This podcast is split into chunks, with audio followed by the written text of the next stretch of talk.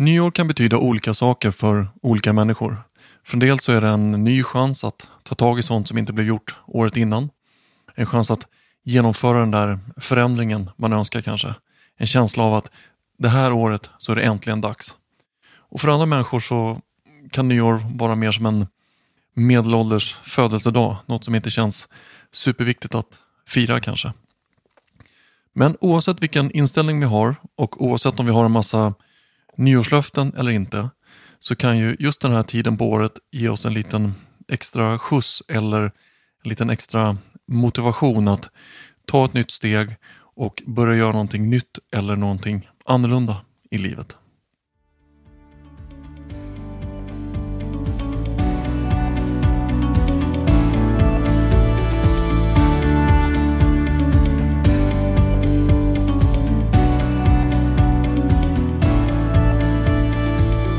Hej och välkommen till 1000 planer. Mitt namn är Johan Paulsen och det här är podcasten där vi pratar om hur vi kan ta nästa steg, göra förändring och börja förverkliga det vi drömmer om.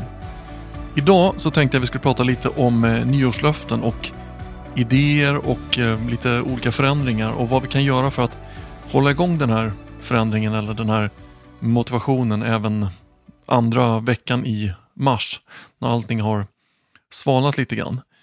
För ibland så är det så ibland i början av året eller i början av en ny idé eller en ny förändring så brukar det fungera ganska bra. Vi känner oss både inspirerade och motiverade att genomföra det här vi har bestämt oss för. Sen vid andra tillfällen lite längre fram så vi kanske har samma idéer men plötsligt så finns inte viljan och kraften där. Vi känner att bara, ah, inte just nu, jag, jag får ta tag i det där lite senare. Det brukar svalna lite efter ett tag. Det jag vill att du ska få ut av det här avsnittet är att förstå varför det blir som det blir ibland när vi tappar den här motivationen. Och även några tricks och idéer på hur du kan eh, hålla kvar den här inspirerande energin under kanske en, en längre period eller under hela den period som behövs för att kunna genomföra det eller den förändring du önskar. Och Jag tänkte att jag skulle börja lite som jag brukar göra och titta lite på det här ämnet i relation till mig själv och mitt eget liv. Och Jag vet inte om det finns någon form av eh, eh, världsmästerskap i att komma på och utveckla nya idéer. Men om det fanns så tror jag att jag skulle kunna vara kvalificerad eh, till den tävlingen. Jag har alltid haft väldigt många planer och väldigt många idéer i mitt liv. Men utmaningen med nya idéer ligger oftast inte i själva idén, utan utmaningen ligger i att genomföra och fullfölja det här tills att då idén är förverkligad.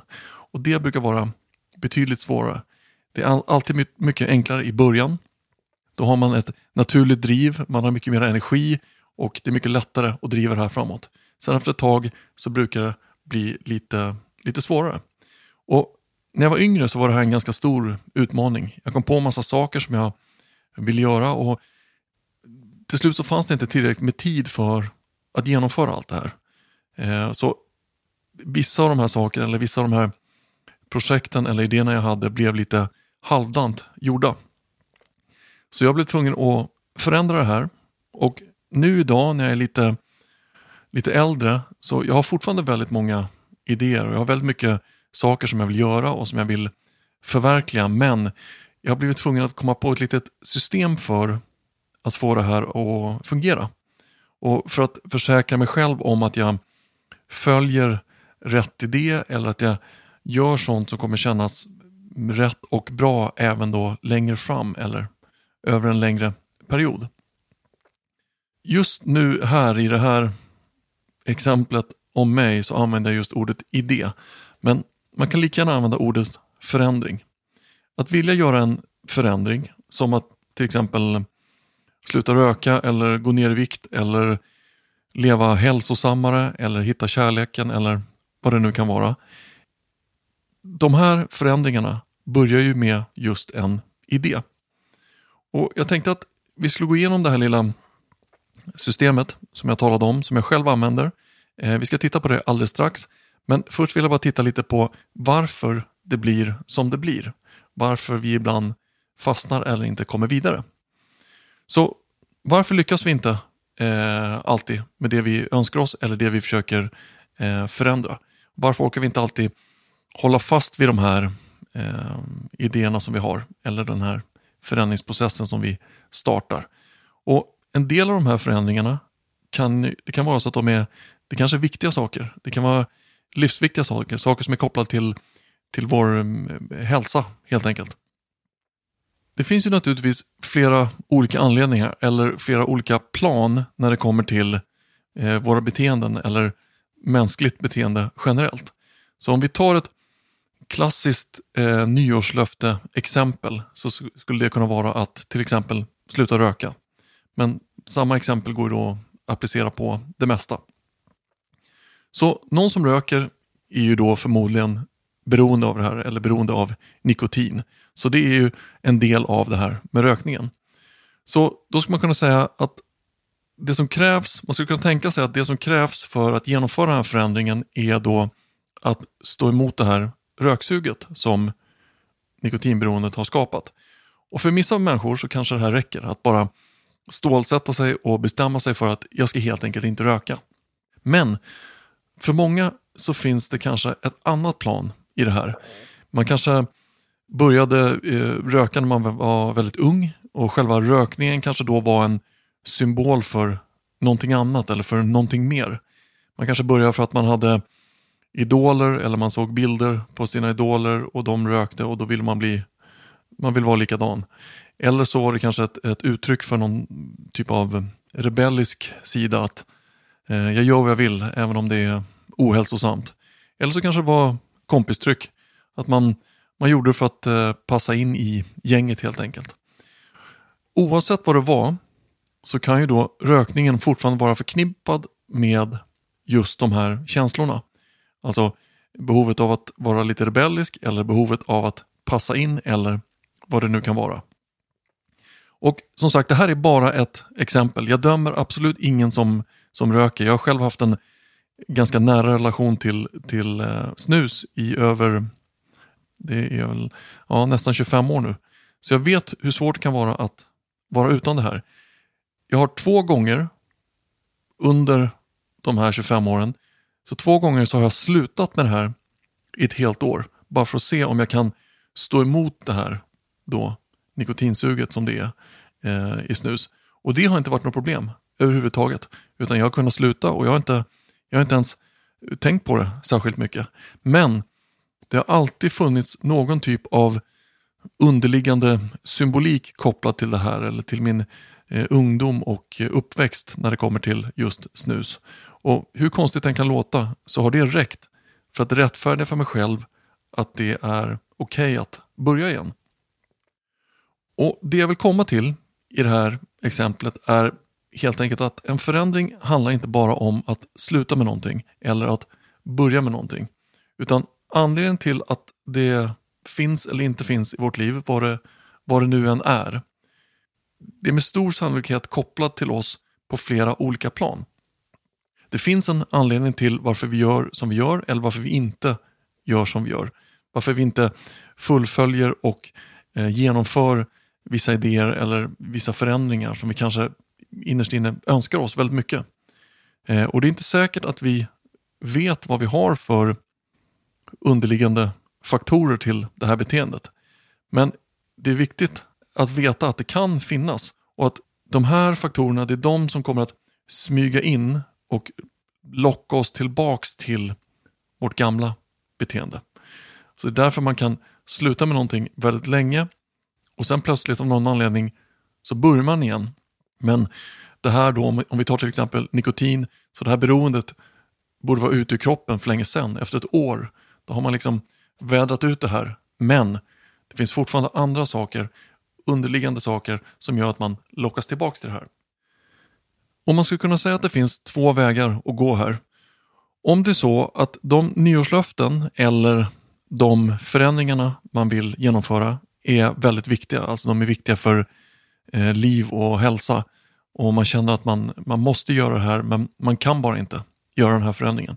Då ska man naturligtvis alltid söka någon typ av professionell hjälp i form av en psykolog eller en beroendeterapeut eller vad man nu behöver för att kunna bli fri från det här. Men om dina önskningar eller dina nyårslöften inte är av den här inte är lika livsavgörande utan de är mer kopplade till dina mål eller dina eh, idéer och sånt som du vill eh, förverkliga i ditt liv så finns det då några saker som du kan göra själv. Och här kommer nu det eh, lilla system som jag pratade om, som jag själv använder för att förverkliga saker eller för att genomföra förändring i mitt eget liv. Samt lite vad man kan göra för att få motivationen att stanna kvar även under eh, resten av året. Och det här systemet, eller vad man vill kalla det, det är egentligen fyra punkter, eh, fyra stolpar som jag brukar använda mig av. Eh, och det är bara ett exempel på hur jag gör det här. Det finns säkert hundratals eh, alternativ på bra och motiverande metoder för att eh, hålla kvar sina nyårslöften. Men vad jag har märkt hos mig själv är att det finns vissa små saker, eh, sätt att hur jag ser på saker och ting eller hur jag tänker runt saker och ting som egentligen är ganska små detaljer men som kan antingen hjälpa eller skälpa en hel idé eller en hel förändringsprocess. Och förhoppningsvis så kanske det här kan fungera även för, för andra. Och Jag har stolpat upp det här i, i fyra steg. Så nummer ett är att sluta eller att börja med någonting. Och Det här kan låta lite eh, konstigt, men att sluta eller att börja med någonting är egentligen lite samma sak, beroende på vilket håll man ser det ifrån.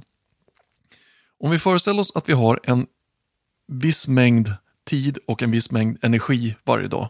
Och under den här tiden eller den här dagen så har vi en viss mängd saker som vi gör och då saker som vi lägger vår tid och vår energi på. De här sakerna är oftast väldigt eh, väl förankrade i oss. Vi gör ganska mycket av det här per automatik, till exempel eh, i vårt jobb eller till och från vårt jobb eller på kvällarna. Det finns ganska mycket saker som vi gör per automatik som vi måste göra för att, för att tillvaron ska fungera. Och Många saker som vi kanske önskar förändra i samband med till exempel ett nyårslöfte det är oftast sådana här automatiska beteenden, saker som vi gör eller saker som vi inte tänker på. Eller så är det beteenden som vi tänker på hela tiden, men vi fortsätter fortfarande att göra de här sakerna per automatik. Så om vi skulle göra ett exempel av det här så kan man säga, eh, vi kan hitta på ett nyårslöfte som är efter nyår så ska jag bli hälsosammare och jag ska sluta äta ute på lunchen. Och Det är ju ett jättebra och eh, nyttigt nyårslöfte. Men vad betyder det här i praktiken? Det betyder egentligen inte att du ska sluta med någonting. Det betyder att du måste börja lägga tid och energi på att göra hälsosamma matlådor på, på kvällen eller dagarna innan. Och för att kunna ha tid och ork att göra det så kanske du måste sluta göra någonting annat. Så just det här nyårslöftet, efter nyår ska jag bli hälsosammare och sluta äta ute på lunchen kanske egentligen skulle vara efter nyår så måste jag avsätta tid för att i lugn och ro kunna gå och handla hälsosamma ingredienser till mina matlådor. Varje kväll måste jag se till att förbereda min matlåda inför morgondagen. Vilket betyder att jag kanske inte har tid att titta på den där Netflix-serien som jag brukar se varje kväll. Och jag hoppas att skillnaden är tydlig här. Om vi bara ska sluta med någonting så kan vi lura oss själva att det är en sak mindre vi ska göra. När alternativet kanske egentligen betyder att vi måste göra någonting mer för att kunna göra den här förändringen. Och Om vi skulle vända på det här exemplet och ta någonting som vi vill börja med. Så till exempel, efter nyår ska jag börja motionera. Också ett jättebra och hälsosamt nyårslöfte. Men för att börja motionera så kanske du måste sluta med någonting annat. Du kanske måste frigöra tid och energi för att då kunna genomföra den här nya aktiviteten. Så om man summerar det här så kan man säga om jag vet vad den här nya förändringen verkligen innebär, om jag vet vad som verkligen kommer krävas för att jag ska kunna genomföra det här och om jag är okej okay med det, då kan jag också få det att fungera jag drar ner en timme på tv-tiden på kvällen och så går jag ut och motionerar istället. Och efter en, en och en halv månad så har den här nya rutinen blivit lite mer eh, förankrad i mitt liv och jag kommer kunna göra det här mera naturligt och det kommer inte vara lika mycket motstånd att gå ut och motionera. Men om vi bara säger att efter nyår då ska jag sluta med vad det nu än kan vara och sen har vi inte en plan för vad vi ska göra istället så finns det en stor chans att den här förändringen bara rinner ut i sanden. För vi vet egentligen inte vad förändringen innebär utan vi har bara sagt att jag ska sluta med det här. Men vi vet inte riktigt hur vi ska sluta med det här. Punkt nummer två är fokusera på det nya. Så i varje önskning eller i varje förändring så finns det ett före och ett efter. Om du till exempel har bestämt dig för att komma i ditt livs form eller något liknande så fokusera på att komma i ditt livs form även innan du kan se resultatet av det här. Gå inte och grubbla över hur otränad du är eller hur dålig kondition du har eller sådär. Utan fortsätt njuta av tanken på hur bra det kommer kännas när du har nått ditt mål. Och Det här handlar inte bara om att det är bra att visualisera mm, bra saker.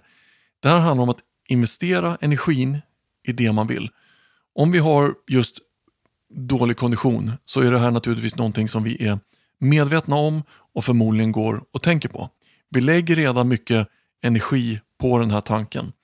Så för att orka göra den här förändringen så måste vi flytta den här energin. Vi måste flytta vår tanke till den positiva sidan av förändringen. Alltså själva målet av att komma i vårt livsform och lägga eh, vår energi där. Försöker vi tänka på båda sakerna samtidigt så kommer vi att falla tillbaks till det som vi är mest vana vid. Och vi kommer då att börja fokusera tillbaks på det som vi redan har, alltså vår dåliga kondition. Så vi lägger redan, vår energi är redan utspridd över vår dag. Alla aktiviteterna vi gör, allting vi måste vara fokuserade på, alla uppgifterna vi har. Så om vi då ska få in en till grej som vi ska gå och fundera på, då måste den energin tas någonstans ifrån. Då tar vi den ifrån de här inom situationstecken negativa tankarna. Istället för att grubbla på, gud jag är i så dålig form, så tar vi bort det och så funderar vi på, okej, okay, hur kommer det kännas nu när jag går in i det här nya?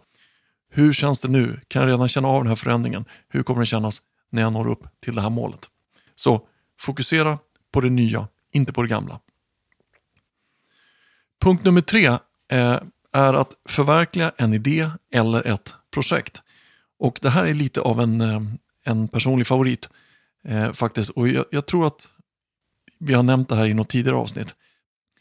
Om det är så att du har bestämt dig för att starta ett nytt projekt så här mm, inför det nya året och du har någon superbra idé så rekommenderar jag att du gör följande. Du tar en helg ganska snart, nu i början, i januari, två, tre dagar och så planerar du igenom det här projektet så mycket du kan. In i detalj, eh, så, så mycket du kan utifrån den kunskap och den information du har. Så du skriver ner allting, snyggt och prydligt, du går igenom allting eh, och försöker fånga in även en ganska vid cirkel runt det här. Så det här vill jag göra, vad krävs för det här? Och de här olika bitarna, vad krävs för att det ska komma på plats? Så du får in så mycket som möjligt i den här planeringen. Så skriver du ner det, snyggt och prydligt, och så lägger du det i en låda eller i en mapp på datorn någonstans där du inte kan se det här. Sen rör du inte den här idén eller det här projektet på en månad. Du släpper det helt och du försöker inte fundera på det. Efter en månad så plockar du fram det här igen och så frågar du dig själv Känns det nu som att du har förlorat en värdefull månad av det här projektet? Känner du dig lite ivrig och vill komma igång och, och komma ikapp igen? I sådana fall är det jättebra. Då kommer det här projektet förmodligen att kunna bära sig själv lite över tid och det kommer även stå emot eventuella utmaningar eller motgångar som kan dyka upp under projektets gång. Och observera här, du har inte förlorat en månad av det här projektet bara för att du la undan det, utan tvärtom. Allt har nu fått landa och i slutändan så kommer du då att tjäna över en månad i tid på grund av att du lät det här projektet eh, mogna lite grann. Men om du plockar fram det här ur lådan eller på datorn efter en månad och känner att det har tappat lite, lite lyster. Eh, det känns inte lika hett längre det här projektet och du känner att ah, jag ska ta tag i det sen. då kan man lika gärna lägga ner det och vänta på en, en bättre idé. Om idén eller projektet inte har tillräckligt mycket glöd eller tillräckligt mycket magi i sig själv så kommer det inte kunna bära sig över tid. Anledningen till att man gör det här det är för att ibland så får vi en bild, vi formar en bild i huvudet av vad vi tror. Vi tänker rent strategiskt att det här känns som ett bra projekt. Det här är mitt nästa steg. Så det ligger logiskt i huvudet. Det här är det projektet som ska skapa förändring i mitt liv. Men vi kanske inte har det här helt i hjärtat. Det här kanske inte är absolut det vi vill. Vilket gör att när vi lägger undan det ett tag och det får svalna lite så kan man känna om hur var det med det här? Är det här verkligen rätt väg för mig eller ska jag kanske släppa det här? Om vi släpper det, då finns det plats för någonting annat att komma in och då kanske det andra är det projektet som blir, som blir rätt. Punkt nummer fyra, den sista punkten på den här listan, det är börja alltid på en fredag. Och det här är någonting som jag har implementerat många gånger i mitt eget liv. Jag minns när jag, när jag växte upp, min pappa sa alltid jag ska börja med det där på måndag. Och det funkade inte så bra. Så jag brukar säga, börja alltid på en fredag. Ska du göra någon förändring, och oavsett om det är nyår eller när det är under hela året, så börja en fredag morgon. Det är alltid lättare att hålla igång en, en ny rutin eller en ny förändringsprocess under helgen. Så klarar du då fredag, lördag, söndag så kommer du ha mer, du kommer ha mer styrka att hålla i det här även under den nya veckan. Säg att man ska börja äta en annan diet eller någonting sånt där. Det är mycket lättare att hålla koll på det här under helgen. Och när då måndagen kommer så har man redan gjort det här i tre dagar, då är det lättare att fortsätta. Men om man gör tvärtom, om man säger att nej, jag ska börja på måndag, då är det lätt att den här nya rutinen eller den här förändringen man vill göra, den, den försvinner bakom alla, alla scheman och aktiviteter och alla ansvar som vi ofta har under veckan. Och så plötsligt så har vi tappat det och så får vi då ta upp det igen längre fram. Så det här är fyra steg, eh, fyra tips, fyra saker som, som jag gör för att kunna genomföra förändringar.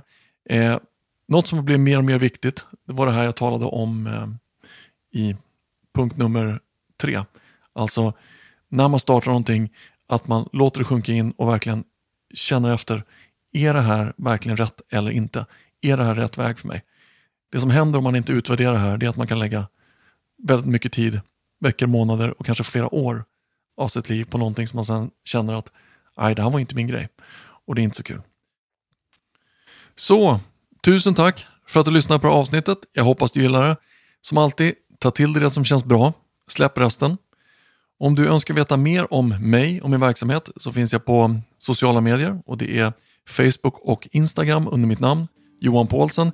Och du är också jättevälkommen att skicka in frågor eller feedback till den här podcasten. Och Det kan du göra via hemsidan johanpaulsen.se. Toppen! Tusen tack för idag och ha nu ett eh, fantastiskt gott nytt år så hörs vi snart. Okej, okay. hej!